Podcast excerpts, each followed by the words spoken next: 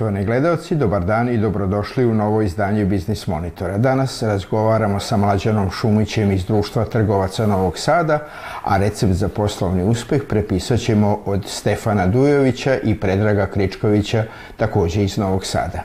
Pa da počnemo.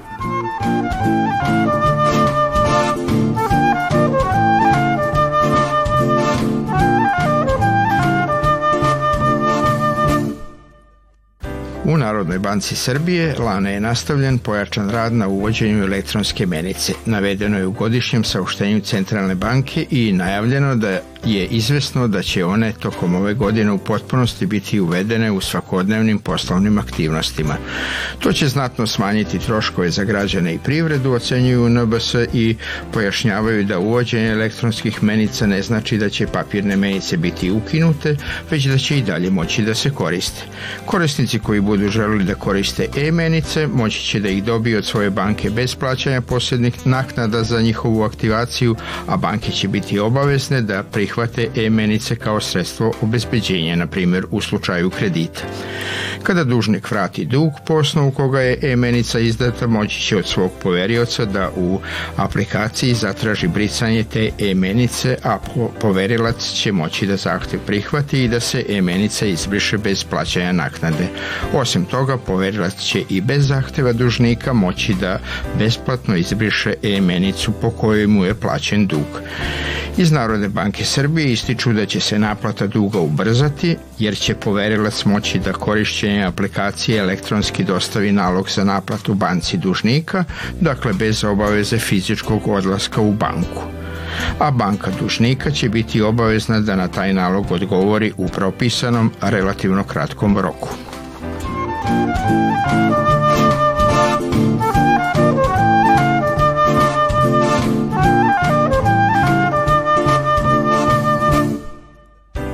Protekle radne nedelje na produktnoj berzi u Novom Sadu zabeležen je rast količinskog prometa i živost u odnosu na prethodnu nedelju. Kukuruz i soja su zabeležili pad vrednosti, dok je pšenici neznatno porasla vrednost. Kada je reč o svetskom tržištu, u protekloj nedelji uglavnom je neznatno opala cena pšenice i kukuruza kao i vrednost soje. Nakon prazničnih dana i prethodne radne nedelje koja je bila skraćena, ovu sedmicu na produktnoj berzi obeležilo je povećanje aktivnosti, pogotovo kada je u pitanju tražnja primarnih poljoprivrednih proizvoda. Tokom čitave nedelje na tržištu kukuruza primetna je bila povećana tražnja u odnosu na ponudu. Tražnja je bila iskazana i na paritetu CPT luka, a kupci su ove sedmice bili zainteresovani i za vlažniji kukuruz sa 16% vlage. I na tržištu pšenice ove nedelje bila izražena tražnja, ali je ponuda žitnog zrna bila izuzetno slaba. Najčešće se potraživala pšenica sa 11 do 12% proteina, ali i pšenica za stočnu ishranu. Na tržištu soje početkom ove sedmice zabeleženo je povećanje aktivnosti, kako na strani ponude, tako i na strani tražnje, uz primetan cenovni pad kako se nedelja bližila kraju. Na kraju protekle poslovne sedmice na Beogradskoj berzi ostvaren je nešto veći promet nego prošle, i istovremeno su oba berzanska indeksa porasla. Krajem protekle berzanske nedelje u svetu i američkoj lakoj i severnomorskoj nafti je porasla vrednost. Kada su u pitanju najznačajniji plemeniti i bazni metali kojima se trgovalo u svetu, svi su završili prošlu nedelju sa padom vrednosti, jedino je cena aluminijuma neznatno porasla.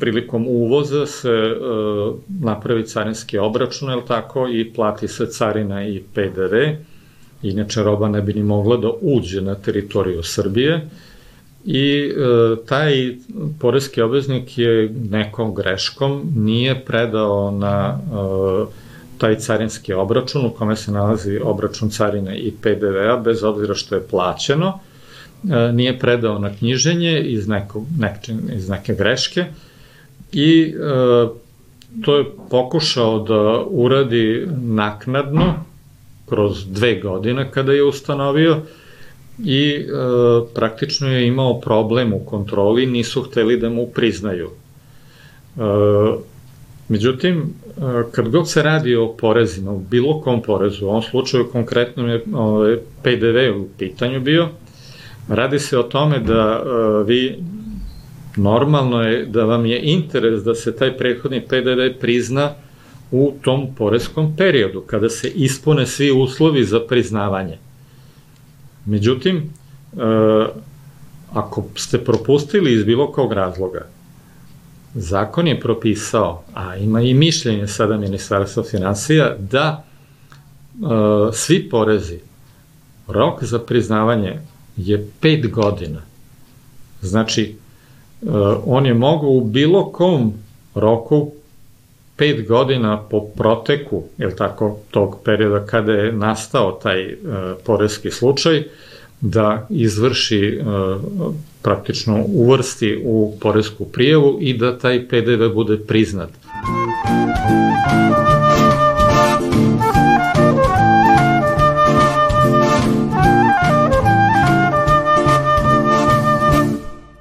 Gospodine Šumiću, dobrodošli u Biznis Monitor. Hvala, volje vas naš. Kada su se formirali veliki trgovinski lanci, sva su predviđanja govorila da će oni progutati male komšijske trgovinske radnje. Međutim, to se nije baš tako desilo. Zašto? Nije se ni mislilo tad da će to biti odjednom, jeli? to je proces koji duže traje e, i međutim pokazalo se da je još uvijek traje i da se da je taj sektor žilaviji nego što bi inače bio. Prvo prilagodljivi su bili, drugo, naši klijenti, kupci, komšije, komšijske radnje su navikli da u blizini imaju objekat gde mogu da se snabdaju, e, tako da je svi, sve to rezultovalo s tim da je ovaj da smo ipak duže ostali od predviđenog roka i evo, ostajemo još uvijek. Koji je to model opstanka na tržištu malih trgovinskih radnji, a na primjeru društva trgovaca u Novom Sadu? Od 2009. je udruženje, postoji ja od 2013. sam ovaj, vodim. E, znači, to smo se udružili da bismo kod dobavljača zajedno nastupali.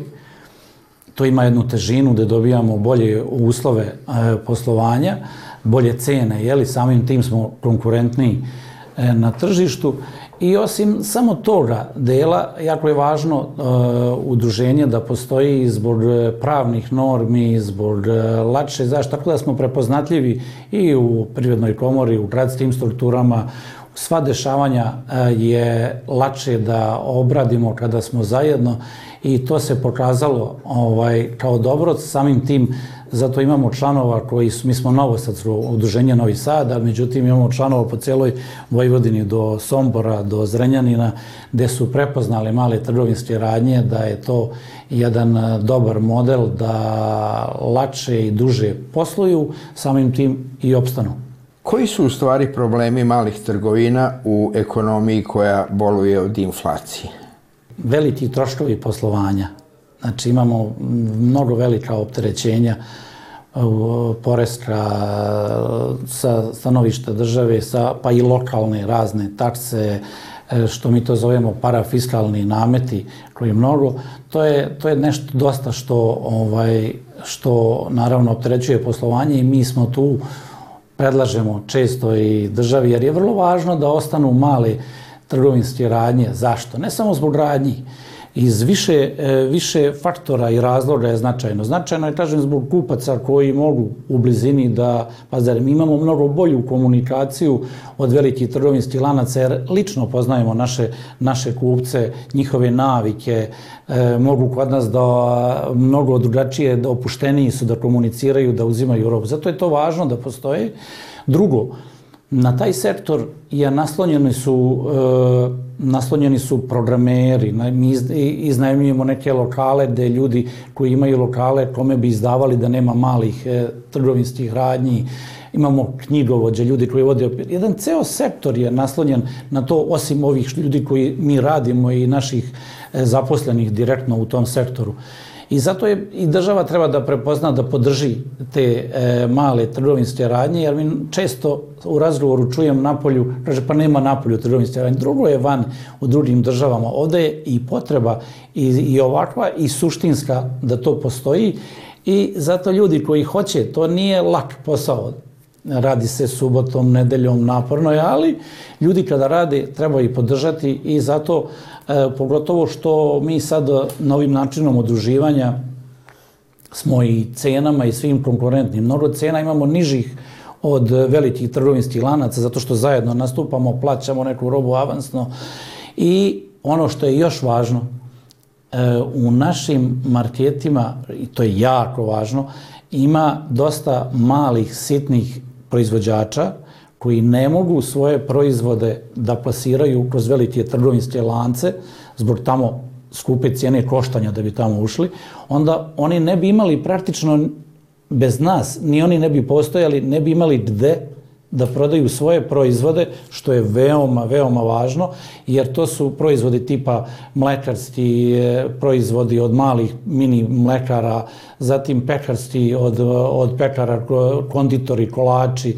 ti proizvodi, pa čak i kućna hemija, koja e, to nisu brendirani proizvodi, ali su potrebni. Kakvu sudbinu predviđate u godinama koje dolaze za male trgovinske radnje? Kao što kažu, ovaj, e, prošlost nije bila laka, sadašnjost je teška, a budućnost neizvesna. e, tako je i kod nas ovaj, u poslu, ali mm, znate kako, to je e, pitanje dok, dok ima e, i poslodavci, dok imaju zdravlja i volje, e, naći će uvijek, nikad nije bilo lako, ali će naći mogućnost da rade ako se ima volje i da se opstane, ako to gledaju kao kao izazov, što ja volim često da kažem, ne kao problem poslovanja, nego kao izazov da se nešto menja, promijeni i dokle ima se volje i ovo, dotle će to i trebati čovjek lično da pokreće taj posao, naći će načina da opstane. Gospodine Šumiću, hvala vam što ste govorili za Biznis Monitora. Hvala.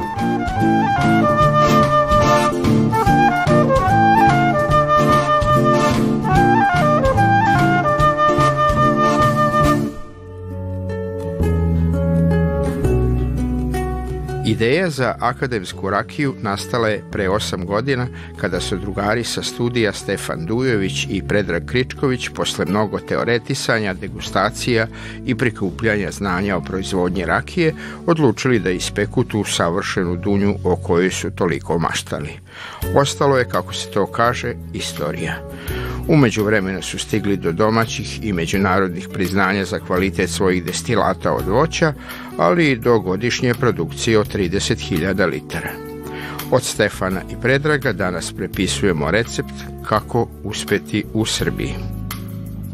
Što se tiče akademske rakije, početci su bili vrlo stidljivi. E, počeli smo Peđa i ja sa 300 kg ove, dunja i to je bilo sa prijateljima sa fakulteta odatle i ime akademska rakija jer je cijela priča započeta na studijama i ovaj, počelo to iz neke šale, danas je preraslo u posao.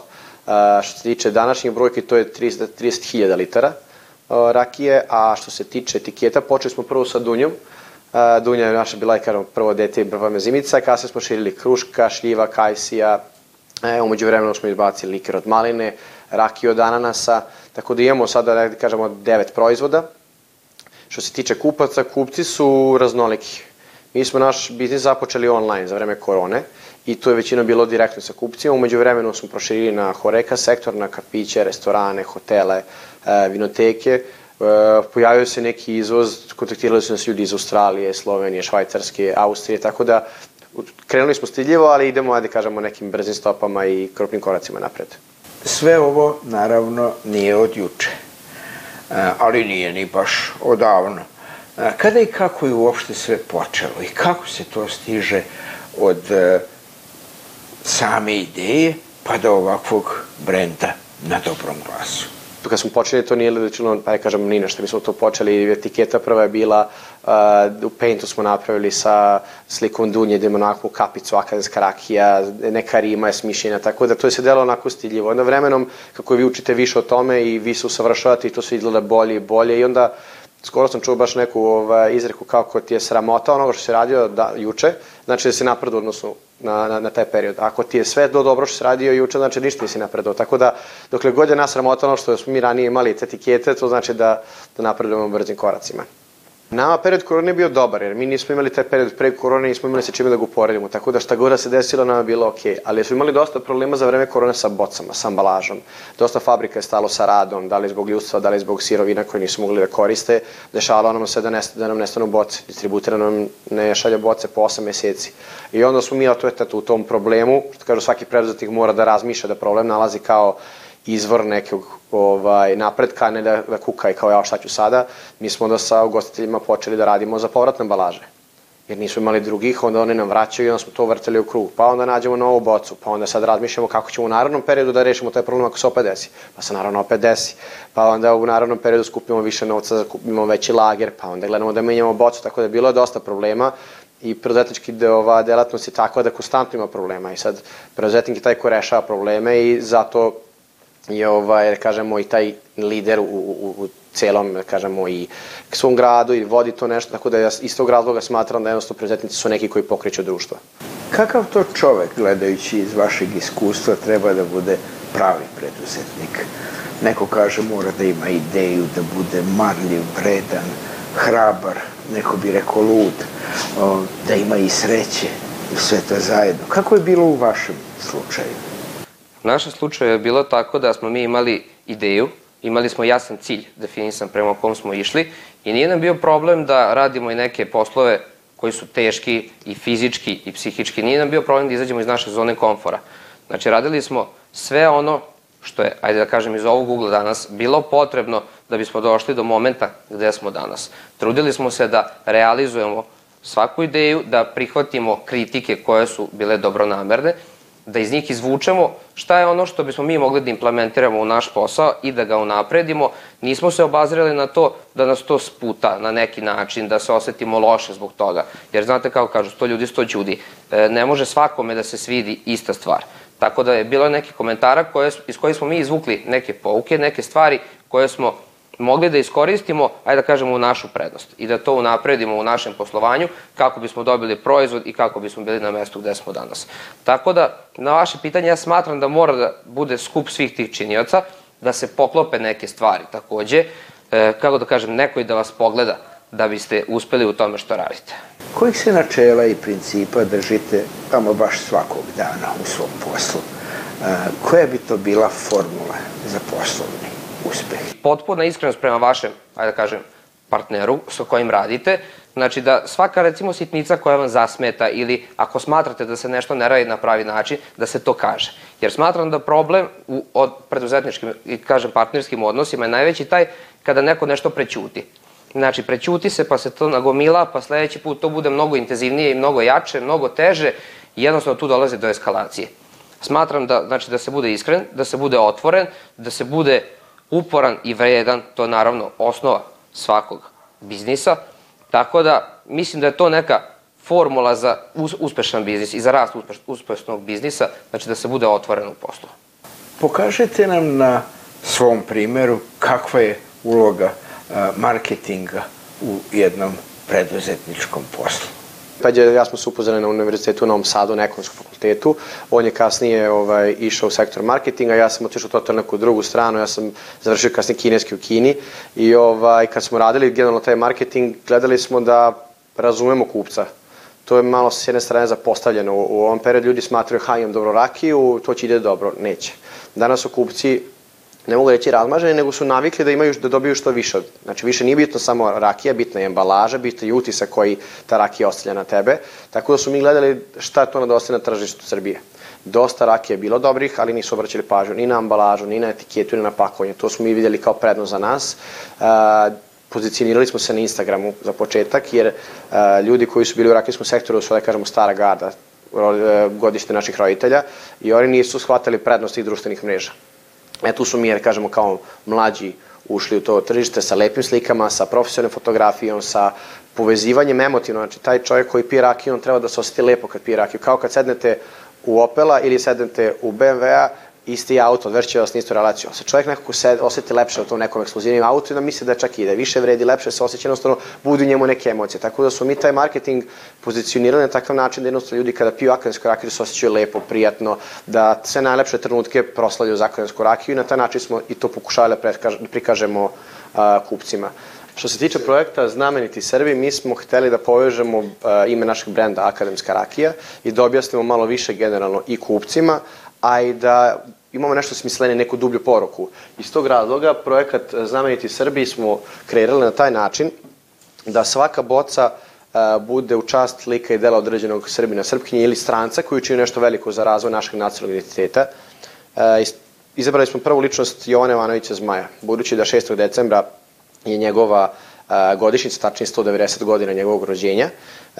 Crtali smo specijalno za ovu priliku njegov portret, iskoristili smo autogram, sa, sa zadnje strane kratku biografiju koju smatramo da je svako trebao da zna ovaj, o Jovan Ivanoviću Zmaju, Dositeju Obradoviću ili bilo kome ko bude bio naredni na, na, ovaj, na listi i uzeli smo bar kod u obliku naše zemlje, da bude simbolično. Tako da, e, što se tiče samog projekta, odlučeno je da, da sve radimo za humanitarne svrhe, odnosno da opet povežemo ime naše brenda Akademska rakija, da novac koji zaradimo bude uplaćen u te svrhe. Prva serija Jovana Jovanovića Zmaja biće uplaćena za novoslovnu fondaciju Stefana Milenkovića, naše violiniste, jer smo u razgovoru sa njim i sa Fondom za mlade talente prepoznali da ne postoji budžet u okviru uh, naše zemlje koji stipendira mlade talente u oblasti umetnosti i muzike. Šta je u vašem poslu najteže, a šta opet najlepše? Dešavalo nam se to da imamo potražu za rakiju, da mi nemamo boca, da mi moramo smišljamo šta ćemo da uradimo. I to u momentu hvata ta neka tenzija, nervoza, jer ne znaš šta ćeš da uradiš dalje, šta ćeš da uradiš sledeće, onda hvataš tu svoju podsvest i dolaziš do nekih ideja koje nikad nisi ni smatrao, razmišljaš što se kaže ono kao out of the box, izvan kutije, izvan toga, e tad dolaze uh, idealne te neke ideje koje mogu da, da poguraju tu neku totalno drugu krajnost koju nikad niste mogli da pretpostavite. Tako da čak i te stvari koje su teške, ako gledate na taj način kao, kao izazova, ne kao problem, onda su i najlepše kad se završe imam taj jedan problem da nekako se nikad ne odušaljavam ni sa čim i onda jer smatram da ako radimo nešto dobro da su rezultati tu, samo pitanje kada. Tako da možda nekad sa, sa kolegama imamo tu diskusiju kao ja, nikad se nekad ne obraduješ, kao dođe da neka velika poročba, neko, pa to je normalno, radimo dobru stvar i onda čekujem da se to dešava. Jer smatram da sve stvarno radimo po PS-u i po nekom dugoročnom planu, sa dobrom vizijom i onda su rezultati zagarantovani. Samo pitanje kada, pre ili kasnije. Kako je uopšte biti preduzetnik u Srbiji? Šta vam je lepo u tome što ste sam svoj gazda, a šta vam najviše smeta? Ne mogu da uporedim, ne znam kako je u drugim državama biti privatnik ili preduzetnik. U Srbiji je to iz mog ugla lepo. Znači, ja sam neko od uvek želeo da radim, što se kaže, sam za sebe i tako je nekako je bilo nakon fakulteta. Uvek sam se trudio da nešto sam uradim, naravno uz pomoć partnera sa kojima sarađujem, ali lepo je biti preduzetnik. Ukoliko naravno imate takav duh, ukoliko nije problem da radite sve što mora da radi jedan preduzetnik, da se suočite sa svim znači, situacijama u kojima se svakodnevno nalazite, ja mogu da kažem iz mog ugla da je lepo. Poteškoća naravno ima svakodnevno, se suočavamo sa njima. Smatram da ono što bi moglo da se još popravi u našoj državi, to su postice i za preduzetnike, pogotovo za proizvodnju kojih ima i danas, ali smatram da je proizvodnja stup ove naše države, i stvaranje nekog novog proizvoda stvara dodatnu vrednost. I na kraju Biznis Monitora mi uvek pitamo šta je za vas poslovni uspeh, a šta lična sreća. Verovatno nikad ne bih radio za nekog 10, 15, 20 sati, za sebe radim. I ne bude mi teško, i onda ne znam dakle cepim tu energiju. Tako da a, gledam opet da ne, se ne posvetim previše poslu, da imam i vremena i za prijatelji, i za porodicu, tako da ta neka sredina zlatna, da se opet ima dovoljno novca u smislu poslovnog uspeha, da možete priuštiti sve što želite, a da opet džaba vam ta novac koja imate vreme da ga potrošite. Tako da ta neki balans između dešava mi se kad radim po 15-20 sati i onda sutra mi se ne radi ništa. E to mi je opet prednost tog preduzetničkog posla, jer onda iscrpim sve iz sebe, imam dan da se napunim baterije, onda opet mogu da, da se ubacim, što se kaže, u mašinu kada si uspeo nešto da ostvariš, neke ciljeve koje si sebi postavio, kada vidiš taj proizvod, recimo na polici neke vinoteke, kada vidiš taj proizvod u stranoj državi, znači to je poslovni uspeh, a to je lična sreća. Jer ti, kada se baviš preduzetničkim poslom, ti ceo svoj život utkaš u taj posao, živiš taj posao, dan, noć. I jednostavno, te stvari te sve ispunjavaju, koje su i na poslovnom planu. Tako da, a s druge strane, lična sreća je i kada možeš recimo utorkom, u tri popodne da odeš na ručak sa porodicom. Znači, to je i poslovni uspeh i lična sreća, jer ti si sebi omogućio da možeš sebi to da priuštiš, a sa druge strane se osjećaš zbog toga lepo. To bi bilo sve što smo vam pripremili za ovaj put. Sa novim pričama iz sveta preduzetništva vidimo se opet na istom mestu za sedam dana. Doviđenja.